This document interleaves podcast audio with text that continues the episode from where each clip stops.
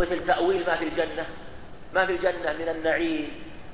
نعلمه من جهة الاسم ونفهم معناه لكن حقيقته ما يوجد في الجنة ويعلم حقيقته حينما يتناوله ويجده.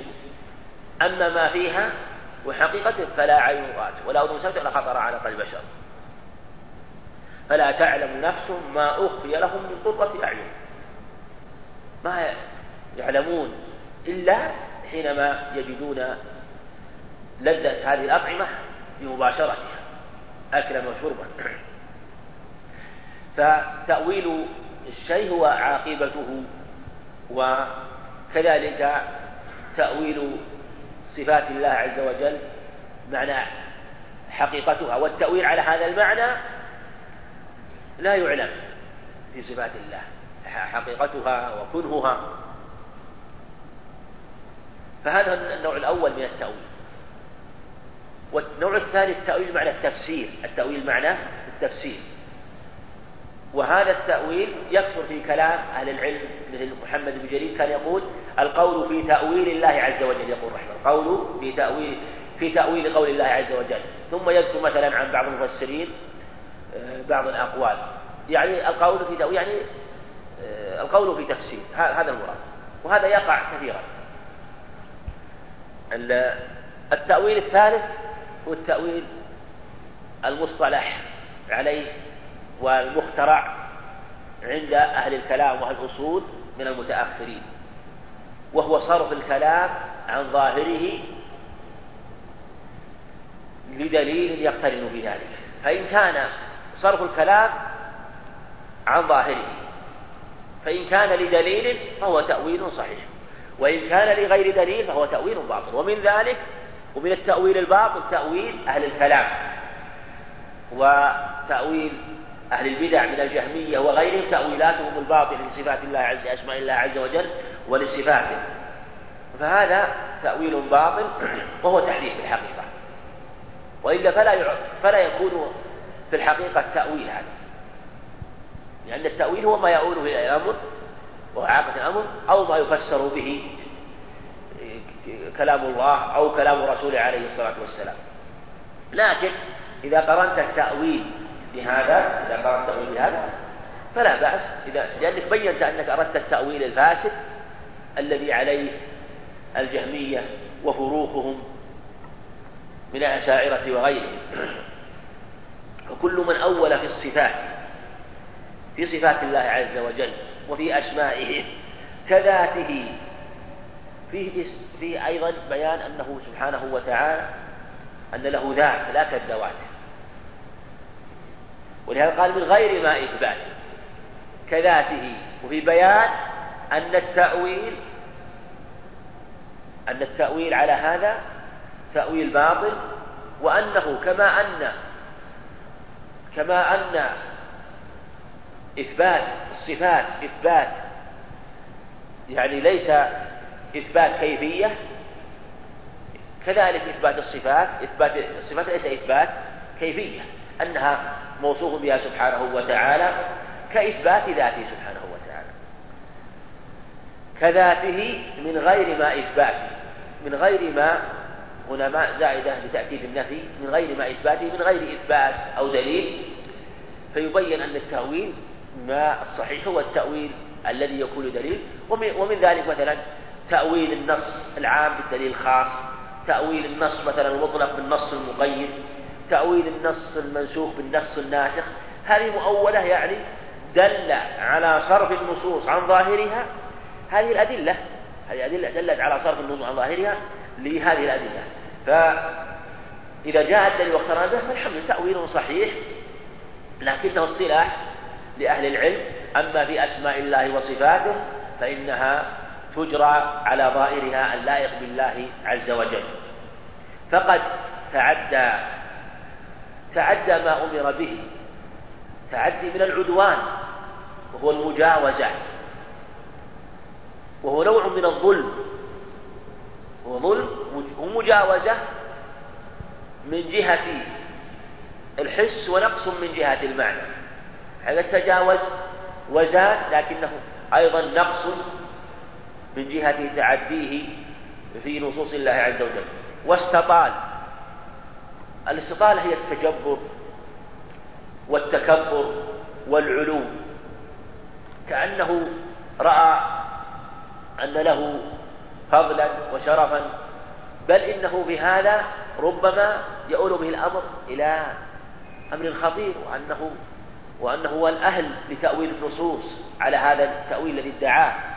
وأن هذا التأويل لم يعلمه ربما لسان حاله وإن لم يكن لسان مقاله أن هذا التأويل لم يعلمه أصحاب رسول الله صلى الله عليه وسلم بل لم يقله عليه الصلاة والسلام. فنوع من الاستطالة والتجبر والتكبر لأنه تعدى. فلما تعدى استطال واجترى أيضا صفة ثالثة في أنه اجترأ وأقدم على أمر ليس له الإقدام عليه بل يجب عليه الوقوف حيث وقف الكتاب والسنة لا يتجاوز القرآن والحديث كما قال الإمام أحمد وخاض في بحر الهلاك الخوض يكون في الماء ويطلق أيضا على الخوض في غير ذلك مثل خوض في الحديث وخضتم كالذي خاضوا حتى يخوضوا في حديث غيره. وفي الغالب أن الخوض في الغالب أن الخوض يكون في الأمر المذموم. ولهذا بينوا قيد قال وخاض في بحر الهلاك لا شك أن من حرف النصوص بتعديه وجرأته على كتاب الله جرأة في الحقيقة جرأة وتقديم بين يدي الله ورسوله واستطالة حيث أقدم على ما ليس له أن يقدم عليه. فخاض في بحر الهلاك ومن خاض في بحر الهلاك غرق والعياذ بالله. ولا مطمع في سلامته والنجاة وهذا الغالب على أصحاب البدع. إذا خاضوا في هذه البحار فإنهم لا يمكن العثور لهم على من على من ينقذهم. لأنهم دخلوا في أمور لا يحسنوها ولم يدركوها إنما من تسويل الشيطان ومما سببه لهم الفلاسفة في النظر في كتبهم لأن انحراف الفلاسفة أشد من انحراف المتكلمين. فلهذا خاضوا في بحر الفلاك في بحر الهلاك في خاض في بحر الهلاك وافترى وهذا لا شك أنه نوع من والافتراء هو الكذب بل هو قبيح الكذب الإنسان ربما يكون كاذبا بمعنى أنه نقل الكذب عالما به فيكون كاذبا لأنه نقله راضيا به. لكن أن يفتري هذا أعظم هذا كذب على النصوص في الحقيقة. من أعظم الكذب هو الكذب على النصوص بمعنى أنه ادعى أن الله أراد ذلك الشيء. ويقول هذا ما أراده الله بهذا النص هذا ما أراده رسول الله صلى الله عليه وسلم. أراد بالنزول نزول الرحمة أراد باليد النعمة وهك أراد بالاستواء الاستيلاء هذا كذب على الله وكذب على رسوله وهو من أعظم الكذب والافتراء لأنه كذب على رب العالمين وعلى رسول رب العالمين. ولهذا يقول عليه الصلاة والسلام إن أفرى الفراء أن يري الرجل عينيه ما لم ترى يعني انظر إذا كان هذا إنسان كذب في نومه فكيف بمن كذب على الله في أعظم الأمور؟ لو إنسان قال أنا رأيت كذا وكذا وهو ما رأى هذا من أعظم الفراء لأنه ادعى أنه أن الله أراه ذلك. لأن هذا أمر ليس بقدرته ولا باختياره إنما هو إلى الله. ولذلك قال كان من أعظم الفراء أن يري عينيه ما لم تريا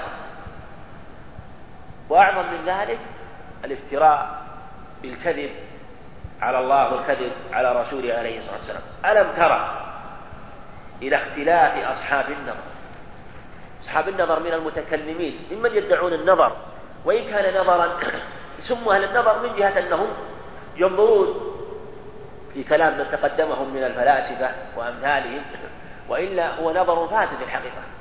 ألم ترى إلى اختلاف أصحابنا؟ اختلاف. لا شك أنهم لما خاضوا في بحر الهلاك حصل لهم اختلاف عظيم واضطراب. لا يكاد أحد منهم يرسو على شاطئ السلامة والنجد أبدا. وإن رسى لحظة خاض في بحر الهلاك ساعات. بل ربما سنوات.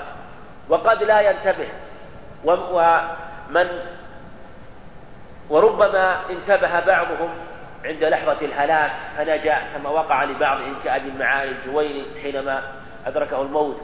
قال لقد خفت البحر الخضم. ولم يعني وقال معنى كلامه ولم أطع أهل الإسلام حيث نهوني عن ذلك. وأنا اليوم على عقيدة أمي أو قال على عقيدة عجائز ليس انظر إليه. بعدما ذهب وأتقن ما أتقن من كلام الفلاسفة وخاض ما خاض وأفنى عمرا عظيما ثم في النهاية كان يقول إنه على عقيدة عقائد عجائز نيسابور الذين لم يخوضوا في مثل هذه الأشياء. فكفى بمن يكون بمن يؤول الأمر بهذا إلى هذا أن يكون عبرة لغيره. ولا شك أن عقائد هؤلاء العجائز أنها خير منه. ولهذا تجدهم عند الموت يظهرون الأسى والأسف والندامة. ويظهر فيهم من الاختلاف والاضطراب الشيء العظيم. تجد الواحد منهم إذا أمر إلى فراشه يستعرض الكلام المتكلمين والفلاسفة وينظر قال الفلاسفة كذا أو قال فلان كذا وقال فلان ويعرض الحجج وينقض هذه بهذه حتى قال بعضهم كابن الحمل وغيره قال إني أضع الملحفة على نصف وجهي ثم أستعرض حجج هؤلاء وحجج هؤلاء حتى يبرق الفجر وبعضها يكسر بعض بعضا. حجج تهافت كالزجاج تخالها حقا وكل كاسر مكسور. كلها هذا يكسر هذا يكسر هذا لأنها حجج باطلة. وهم يخالونها حقا ويظنون حقا وكلها مكسورة باطلة. فلهذا قال ألم تر إلى اختلاف أصحاب النظر؟ وهم دائما تجد بعضهم يكفر بعضا ويسب بعضهم بعضا ويشتم بعضهم بعضا بخلاف أهل الإسلام وأهل التوحيد وأهل العقيدة الصافية. أبدا على طريقة واحدة وعلى ملة واحدة وعقيدة واحدة. هذا من رحمة الله. ولهذا لما فارقوا الكتاب والسنة حصل لهم ما حصل لهم. جزاء وفاقا وما ربك بظلام للعبيد. ألم ترى إلى اختلاف أصحاب النظر فيه وحسنى يعني حسنى معطوف على ألم ترى ألم يعني ألم ترى حسنى ما نحاه ذو الأثر. يعني ما قصده ذو الأثر وهم أهل الأثر أهل الكتاب. والسنة يا حسن ما نحاه أهل الأثر. فإنهم في طمأنينة وسكينة من عقيدتهم وتوحيدهم لأنهم أخذوا بما دل عليه الكتاب وساروا حيث سار الكتاب والسنة ووقفوا حيث وقفا. فإنهم أي أهل الأثر قد اقتدوا اتبعوا وأقتدوا وهكذا الاتباع عليه الصلاة والسلام اقتداء. بأفعاله وأقواله عليه بالمصطفى بالمختار وصحبه. لأنهم أخذوا عنه. ولأنهم وأن طريقتهم هي الطريقة الصحيحة السليمة الناجية. فاقنع. يعني يكون في هذا قناعة. من قنع يقنع. مهم من قنع يقنع من قنع يقنع من قنع يقنع قنع بهذا الشيء يعني أنه اكتفى به وكان مقنعا له. فاقنع بهذا وكفى بلا شك. فمن اكتفى بالكتاب والسنة فقد كفاه الله كل شيء. ومن لم يكفه الكتاب ولا السنة بل رجع إلى عقله فقد رجع إلى اضطراب واختلاف وخاض في بحر الهلاك زيادة على افترائه وظلمه وتجريه. باب معرفة الله تعالى وتعداد صفاته. أول واجب على العبيد معرفة الإله بالتسليم. هذا أول ما يجب. أول ما يجب على العباد معرفة الإله بالتسجيل بالصواب. والمعرفة المراد بها هو توحيد الله. هذا المراد. ولهذا في حديث ابن عباس ادعوهم إلى أن يوحدوا الله. فإذا عرفوا الله في صحيح البخاري. وإن كان الرواية المعتمدة في حديث ابن عباس ادعوهم إلى أن يشهدوا أن لا إله إلا الله وأن محمدا رسول الله. والذي يظهر أن من روى غير غير ذلك بقوله ادعوهم إلى أن يوحدوا الله فإذا عرفوا الله فالفضل أنه رواه بالمعنى لأنه وصية واحدة أرسله مرة واحدة وقال ادعهم حديث معاذ بن جبل وما أرسل مرتين إلى اليمن. لكن واللفظ عليه أكثر والمحفوظ ادعوهم إلى شهادة أن لا إله إلا الله وأن محمدا رسول الله. وما روي الصحيحين وغيرهما يقول إلى أن يوحدوا الله فإذا عرفوا الله هذه معناها معنى التوحيد. هذا أول واجب على العبد وهذا هو الذي يجب على كل مكلف وعلى كل من وعلى كل مشرك يجب عليه أن يعترف بالتوحيد. وهكذا الرسل كل الرسل يرسم الله أن يعبدوا الله ما لكم من إله غيره. غيره. فاعلم أنه لا إله إلا الله. أول ما يعلم شهادة أن لا إله إلا الله. وهكذا أمر عليه الصلاة والسلام وكان يرسل الرسل الدعوة إلى التوحيد. ومر معنا في الأخبار ومثل أن يقاتل الناس أن يقاتل الناس حتى يشهدوا أن لا إله إلا الله وأني رسول الله. والأخبار متواترة في هذا في الصحيحين عن ابن عمر وعن أبي هريرة وغيرهما. في الأمر بتوحيد الله وتوحيد الاتباع لرسول الله عليه الصلاة والسلام. أما قول من قال إنه أول واجب النظر أو القصد إلى النظر أو ما أشبه ذلك هذه كلمات باطلة عند أهل السنة والجماعة. وهو مخالف للأدلة بل الواجب التوحيد معنى أن أن يوحدوا الله. هذا هو الواجب. ولهذا أول ما يعلم الصبي قل لا إله إلا من ربك؟ ربي الله. قل لا إله إلا الله. والصبي إذا نشأ في بلاد الإسلام نشأ على التوحيد. نشأ على التوحيد. وإذا صلى فقد وحد الله. فالمسلم يقولها إقرارا واعترافا ولا بد أن يقولها. حتى و... ولو فرض أن صبيا لم يقولها مثلا وفي أمر بأن يقولها وأن يعترف بها وأن يلقن إياها والمشركون يدعون إلى هذه الكلمة إلى كلمة لا إله إلا الله. لكن النظر لا ينكر مطلقا. وهذا هو الصواب.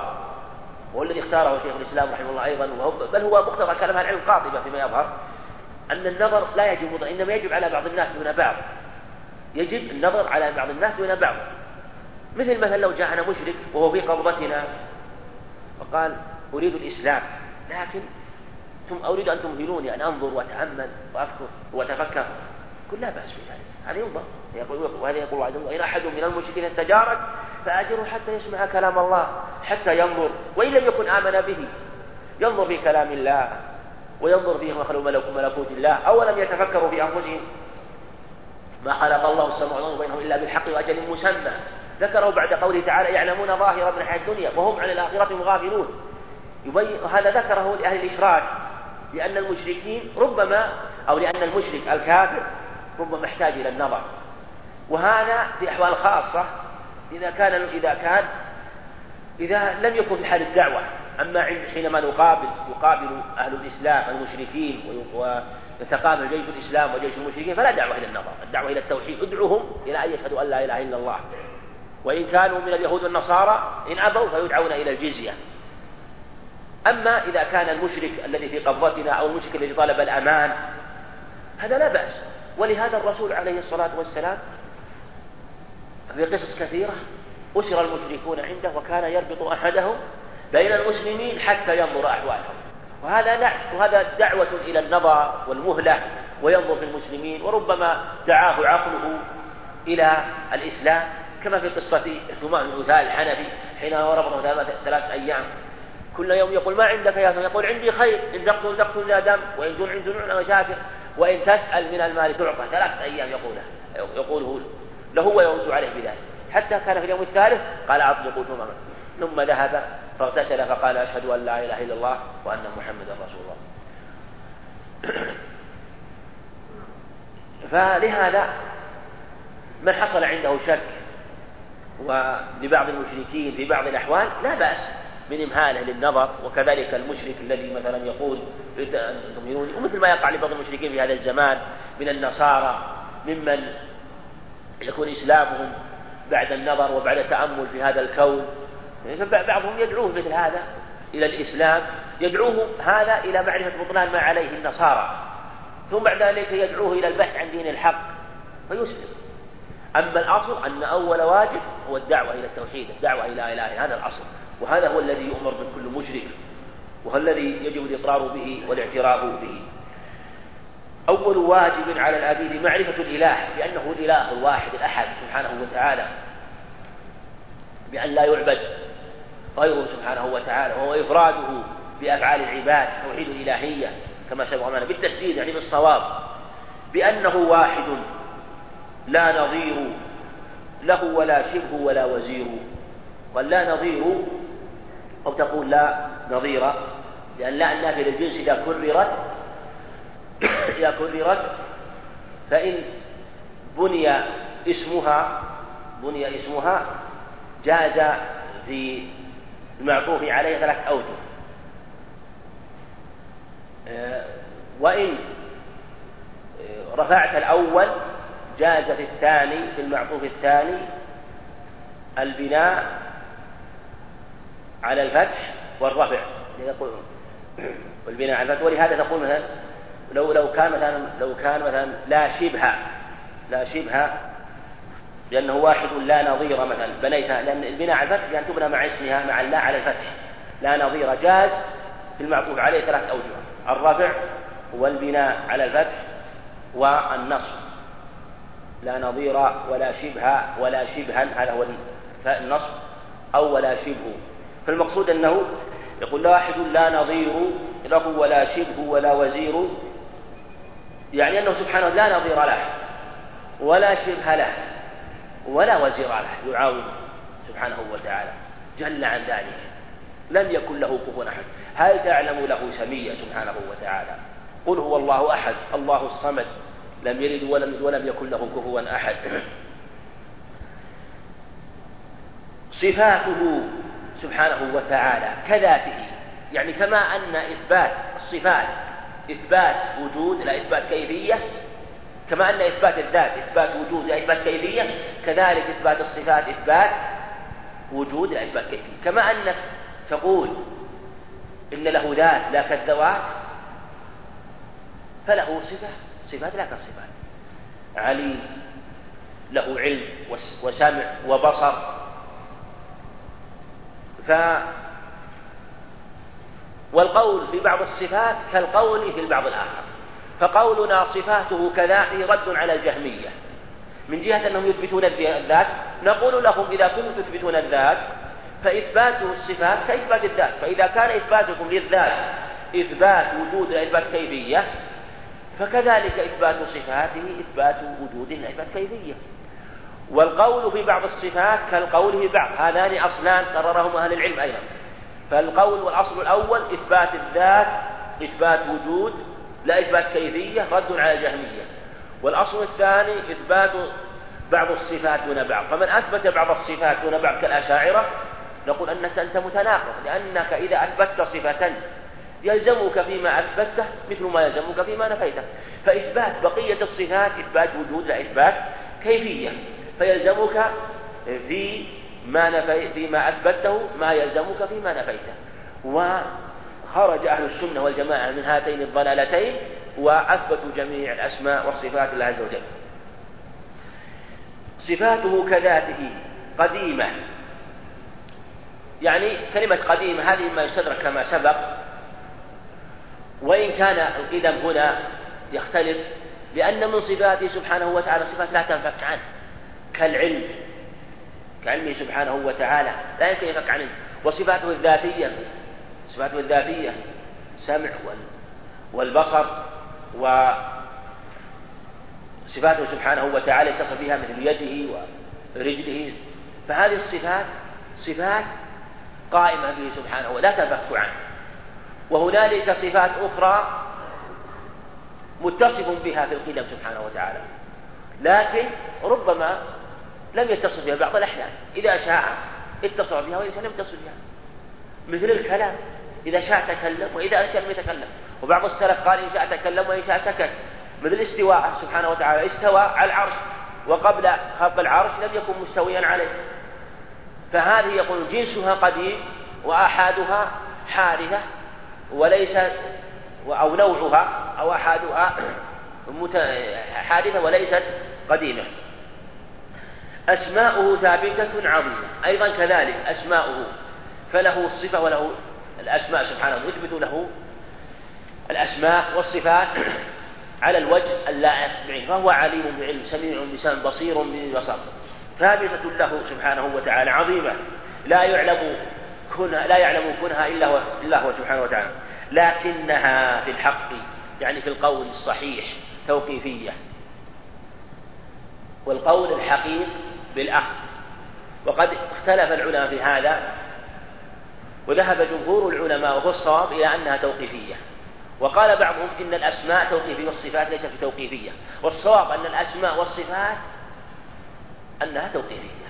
لا لا يسمى ولا إلا بما وصف به سبحانه وتعالى نفسه. وهنا مبحث كثير طويل لأهل العلم فيما يتعلق بالأسماء والصفات. لكن مجمله أن لا نثبت له من الأسماء والصفات إلا ما أثبته لنفسه سبحانه وتعالى. لكنها في الحق توقيفية. لنا بلا أدلة وفية. فهي أدلة كثيرة. ولله الأسماء الحسنى فادعوه بها. فالأسماء الحسنى هي التي يدعى بها سبحانه وتعالى. وكذلك لا يسمى إلا بما سمى به نفسه. ولا يوصف إلا بما وصف به نفسه. ذكر يوم العلم كابن القيم وغيره أن باب الأسماء والصفات توقيفي أما باب الأخبار فإنه ليس توقيفيا بل يخبر عنه بما أخبر عن نفسه وإن لم يكن من باب التسمية والصفة. ولهذا أخبر عن نفسه بأشياء سبحانه وتعالى لا يطلق له منها أسماء الفاعلين. ويمكرون يمكر الله. ومنها صفة الاستهزاء. نقول إن الله يستهزئ بالكافرين إن الله يمكر بالكافرين. نسوقه كما ساقه الله عز وجل بصيغة الفعل لا بصيغة اسم الفاعل. نسوقه كما ذكر. يعني لا تخبر عنه إلا مقيدا كما أخبر الله بذلك. ومن من ذلك ما ذكره الله عز وجل. وأكيد كيدا. تقول إنه سبحانه يكيد بمن يكيد بأهل الإيمان يمكر بمن يمكر. آه، وهكذا مما جاء على هذا النحو. تطلقه كما أطلقه سبحانه وتعالى ولا تطلق بلا تقييد. وهنالك من الأسماء ما جاءت مركبة منها ما جاءت مزدوجة مثل الخافض الرافع الضار النافع. مثلا أسماء اختلف في بعضها في ثبوتها لكن ما جاء من الأسماء المزدوجة يطلق كما جاء ومنها أسماء مركبة أرحم الراحمين وما أشبه ذلك. فالأصل في أسمائه سبحانه وتعالى وصفاته أن لا يسمى إلا بما سمى بنفسه وما وصف به نفسه سبحانه وتعالى فهي توقيفية في كل ما جاء في الكتاب والسنة مما سمى وصف نفسه فيسمى وصف وما لا فلا والله أعلم وصلى الله وسلم على نبينا محمد. نقف على قولنا والحياة.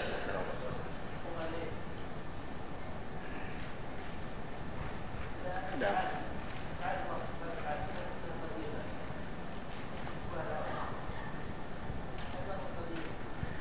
نقول في أفعاله سبحانه وتعالى أنها قدمة النوع.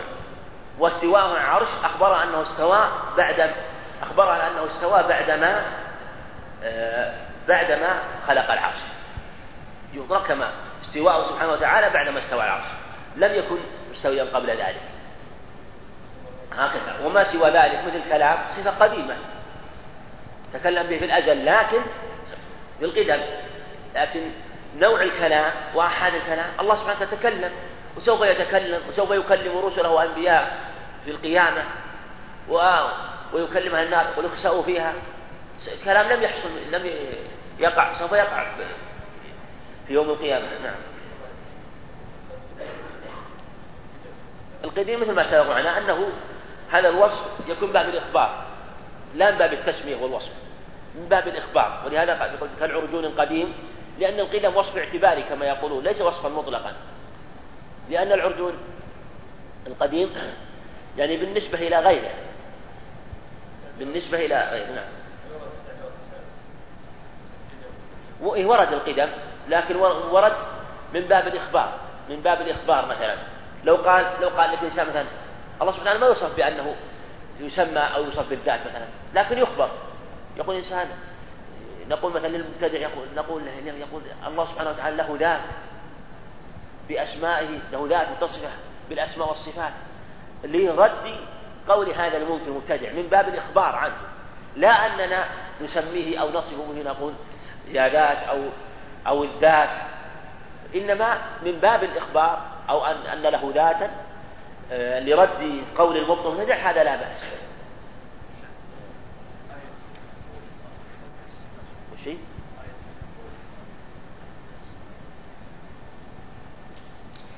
فإنما تولوا وجوهكم فثم وجه الله. الوجه في الآية في الآية, في الآية هذه الوجه ثابت لله عز وجل لكن هل هو صفة حيث ما ذكر أو لا؟ الله أعلم. بعض العلم لا يرى أن هذه ليست من آيات الصفات واللي اختار ابن القيم من العلم أنها من آيات الصفات ويقول ما معناه؟ أن كل ما ذكر أنه لا يكون إلا بصفة. لأن يقول فثم وجه الله فثم وجه الله لأنه لا يعقل أن أن يذكر وجه قائم بنفسه بلا ذات ما يمكن. فهو قائم بذاته سبحانه وتعالى المتصفة. فإذا قيل فتم وجه الله فإطلاق الصفة له بهذا يدل على الذات يدل على الذات بالمطابقة وعلى الصفة الأخرى بالتضمن. فهو إن كان أطلق هنا لم يقيد لكن دال على الذات بالمطابقة من جهة أنه آه، صفة وجه يكون بذاته سبحانه وتعالى ودلالة على الصفات الأخرى من جهة التضمن.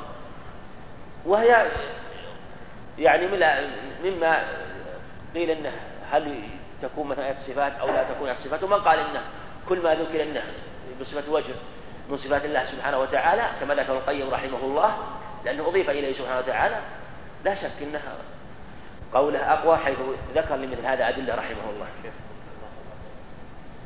نعم.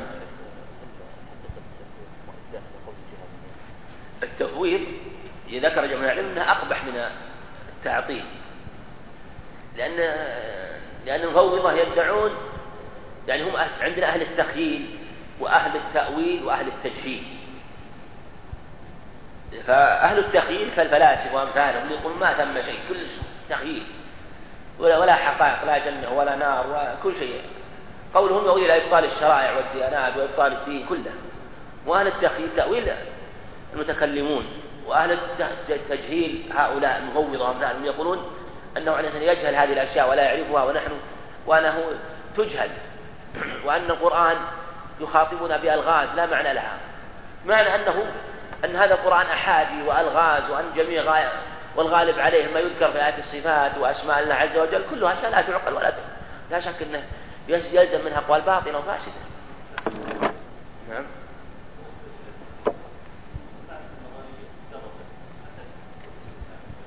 لا ما تكفي النظرية ما تكفي حد نعم. أول أول ما المعرفة المراد بالت... الإقرار بالتوحيد هذا المراد. المعرفة يعني المصنف رحمه الله يفسر كلام المعرفة بمعرفة الله. فإذا عرفوا الله في حديث ابن عباس فإذا عرفوا الله يعني بتوحيد الله هذا المراد. ليس مجرد ولا إبليس كان يعرف إبليس يعرف. والكفار وجحدوا بها واستيقنتها انفسهم كفار قريش يعرفون. يجعلون لكن جحدوا مع استيقان نفوسهم فالمعرفة الخالية من من الإقرار لا قيمة لها. بل ربما كان الذي يعرف أشد كفرا من من أنكر من أنكر. لأنه قال المصنف رحمه الله تعالى له الحياة والكلام والبصر سمع وعلم وإرادة واقتدر. شرع المصنف رحمه الله في ذكر صفاته سبحانه وتعالى وسبق معنا وصف سبحانه آه، بهذه الصفات وأنه يوصف بما وصف به نفسه وبما وصفه, وبما وصفه به رسوله صلى الله عليه وسلم. ثم ذكر جملة من الصفات أو قال له الحياة. الحياة ثابتة لله عز وجل يوصف. وهو حي بحياة سبحانه وتعالى. الله لا إله إلا هو الحي القيوم هو الحي لا إله إلا هو. فله الحياة. اللائقة بجلاله ليست كحياة غيره سبحانه وتعالى. فحياته لم يسبقها عدم ولا يلحقها عدم وفناء ولا يلحقها نقص بل هي كاملة على أكمل الوجوه كسائر صفاته سبحانه وتعالى. بخلاف حياة البشر فإنها حياة ناقصة. في الابتداء وفي الانتهاء سبقها العدم ويتلوها العدم والهلاك. فهي حياة ناقصة. والحياة صفته ليست متعلقة بشيء ليست بل هي حياة قائمة بذاته سبحانه وتعالى بخلاف سائر الصفات التي ستأتي فإن لها متعلقات أما الحياة لا يقال مثلا أنها متعلقة بشيء من مخلوقاته. وصف قائم به بخلاف مثلا العلم يقال علم مثلا متعلق بالمعلوم البصر بالمبصرات والسمع بالمسموعات. له الحياة والكلام. فهو سبحانه وتعالى له وصف الكلام اللائق بجلاله يتكلم سبحانه وتعالى متى شاء. وجاء وصفه بالكلام بصفة الكلام وبصفة النداء وبصفة القول قال ويقول. فلهذا له وصفه سبحانه وتعالى. وجاء النداء في عدة آيات. ويوم يناديهم فيقول ماذا أجبتم المرسلين. ويوم يناديهم فيقول أين شركائي الذي كنت تزعمون؟ وناداهما ربهما وإذ نادى ربك موسى وناديناه من جانب الطور الأيمن وفي صفة الكلام وكلم الله موسى تكليما. وأخبر سبحانه وتعالى عن المشرك إذا جاء يستمع كلام الله أنه يمكن من سماع كلام الله. وإن أحد من المشركين استجارك فأجره حتى يسمع كلام الله. بقوله وكلم الله موسى تكليما نصرح الآيات. وكلمه ربه. وقول تكريما تأتي بمصدر ينفي أي وجه من الوجوه التي يدعونها؟ من وجوه المجاز. والآيات في هذا صريحة واضحة مع النصوص الأخرى. فوصفه سبحانه وتعالى بالكلام على الوجه اللائق بالله عز وجل. والكلام صفة متعلقة بمشيئته وقدرته. ليس وصفا لازما لا سبحانه وتعالى يفك عنه كالعلم لا. وصف متعلق بالمشيئة والقدرة يعني هو تكلم سبحانه وتعالى فيما مضى ويتكلم وكلم جبرائيل بالقرآن وسمعه جبرائيل منه سبحانه وتعالى وسوف يكلم أهل الجنة ويكلم أهل النار. وكذلك آه، فكلامه سبحانه وتعالى قائم آه، بمشيئته وقدرته. يتكلم إذا شاء ويسكت إذا شاء. وهذا هو وصف وهو هذا هو وصف الأكمل. وهذا في حق الإنسان وصف الكمال أنه يتكلم إذا شاء ويسكت عن الكلام إذا شاء.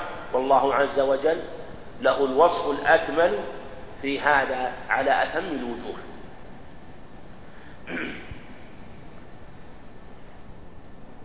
له الكلام سبحانه وتعالى. ثم كلامه هذا بصوت وحرف بإجماع السنة والجماعة بحروف وأصوات وثبت ذكر الصوت والنداء لا يكون له صوت بإجماع أهل العلم وأهل اللغة. وأنه صوت مسموع بالآذان وسمعه ولهذا كيف يسمع؟ سمعه موسى. سمع كلام الله عز وجل.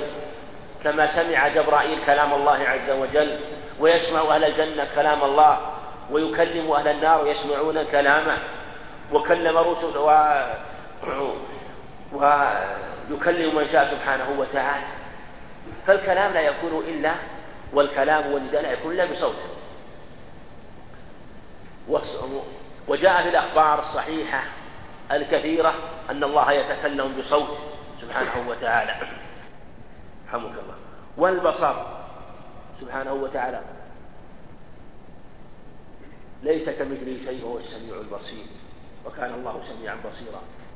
فهو السميع سبحانه وتعالى سميع بسمع.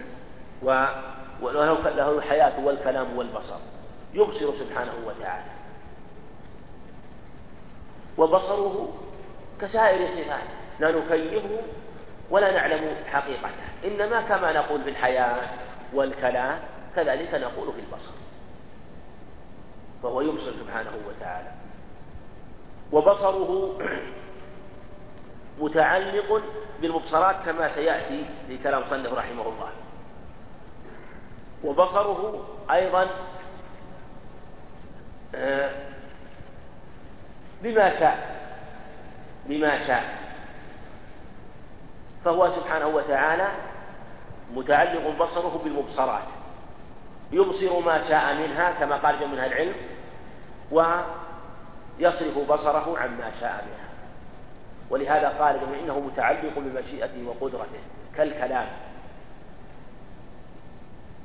ولهذا آه، ثبت في الحديث الصحيحة قال ثلاثة لا يكلمهم الله ولا يزكيهم ولا ينظر إليهم.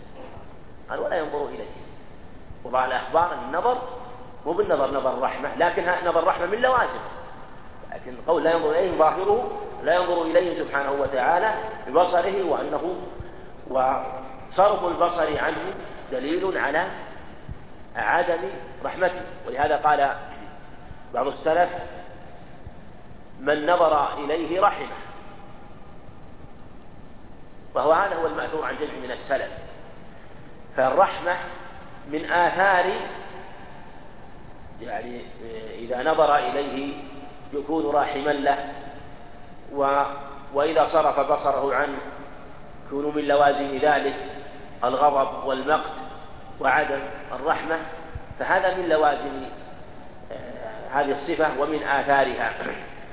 له الحياة والكلام سمع كذلك السمع متعلق بالمسموعات. والسمع سمع عام لكل شيء متعلق بجميع المسموعات. وسمع إجابة بمعنى وهو في قول يقول سمع الله لمن حمده يسمع سمع إجابة. وسمع عام لجميع المسموعات. وهذا يبين أن السمع أيضا كما قال من العلم يتعلق بالمشيئة. والإرادة وهو قولان لأهل العلم في هذه هل هو متعلق بمشيئته وإرادته أما الكلام فهو قول أهل السنة قاطبة أنه متعلق بمشيئته وإرادته سبحانه وتعالى كما صحت وهو كما صحت بليل الأخبار وهو دلائل نصوص الكتاب والسنة وإرادة له الإرادة سبحانه وتعالى وهي صفة مستقلة كغيرها من سائر الصفات. فهي صفات مستقلة له سبحانه وهي إرادة إذا أراد شيئا كان إنما أمره إذا أراد يقول له كن فيكون. لمن شاء منكم أن يستقيم. وهي الإرادة العامة المرادفة للمشيئة بخلاف الإرادة الشرعية. لأن الإرادة إرادتان إرادة شرعية وإرادة كونية. هنا الإرادة العامة الشاملة لكل شيء. وأن ما شاء كان وأن ما أراده سبحانه وتعالى فإنه واقع. يدخل فيها كل شيء. وهما يجتمعان في المسلم وينفرد الكافر والعاصي بالمشيئة الكونية. يعني العاصي فيما عصى فيه والكافر في كفره. فهي وصف له سبحانه وتعالى ولا يتخلف عنها شيء إذا أراد شيئا سبحانه وتعالى. واقتدر. وهذه القدرة بمعنى تشمل القدرة على الأعيان لأن قدرته على كل ما في الكون من الموجودات وقدرته على غير ذلك مما لا مما لم يكن موجودا بأن يوجده سبحانه وتعالى بقوله وكلامه. فإذا شاءه أوجده سبحانه وتعالى بقدرته واقتدر على كل شيء يعني لا يعجزه شيء ولا يكثره شيء سبحانه وتعالى. وأمره وإيجاده يكون بين الكاف والنون وبه يقدر على الأشياء ويوجد الأشياء سبحانه وتعالى. بقدرة يعني قدرته تعلقت بممكن يعني القدرة تتعلق بالممكن مما والممكن هو الذي يجوز وجوده وعدمه. هذا الممكن. أما المستحيل والواجب فليس ب... المستحيل ليس بشيء. المستحيل ليس بشيء حتى يقال إنه شيء. فلا يقال إن أن القدرة تتعلق به لأنه ليس بشيء حتى يكون حتى تتعلق به إنما تتعلق بما يكون شيئا من الأشياء. أما المستحيلات فإنها ليست من الأشياء حتى توجد ففرضه فرض لأمر لا حقيقة له. قدرة تعلقت بممكني كذا إرادة فعي واستبني. يعني تبين هذا وكن واعيا له. وفرق بين الشيء الذي يمكن وجوده مما هو ليس آه، متناقضا. مثل أن يكون الشيء موجود وهو حي ميت في حال واحدة. أن يكون الشيء موجود معدوم في حالة واحدة. أن يكون الشيء ساكن متحرك في حالة واحدة. هذا ليس بشيء حتى يقال تتعلق به القدرة وهي تتعلق بالشيء الذي يمكن أن تتعلق به. أما ما ليس بشيء فإنه لا يقال إن القدرة تتعلق به لأنه فرض أمر مستحيل لا حقيقة له. والعلم المصنف رحمه الله ذكر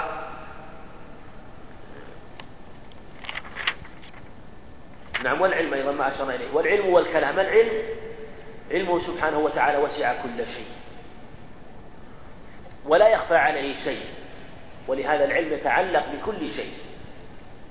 والعلم والكلام قد تعلقا بكل شيء. لأنه قد علم الأشياء قبل وجودها. وقد علم الأشياء ويعلم سبحانه وتعالى. يعني في قولك مثلا السمع والبصر وش متعلق به؟ هذا عطف على قولك في السمع والبصر. لأن السمع يتعلق بالمسموعات والبصر يتعلق بالمبصرات. يعني مما مما هو موجود من المبصرات والسمع مما يسمع من الأصوات. أشياء لها وجود. لها وإن كانت أعراضا كالكلام الذي يتكلم به. فالسمع متعلق بالمسموعات والبصر متعلق بالمبصرات. أما العلم والكلام فيتعلق بالموجود والمعدوم وإن لم يكن موجود. والعلم والكلام قد تعلق. فله سبحانه والله سبحانه وتعالى تعلق علمه بما لم يوجد مما يوجده وبما عدم. بما عدم. كذلك الكلام يتعلق كلامه سبحانه وتعالى بغير موجود بأن يخاطب خطاب تكوين بإيجاده. إنما أمره إذا أراد يقول له كن فيكون. وإن كان معلوما فيوجد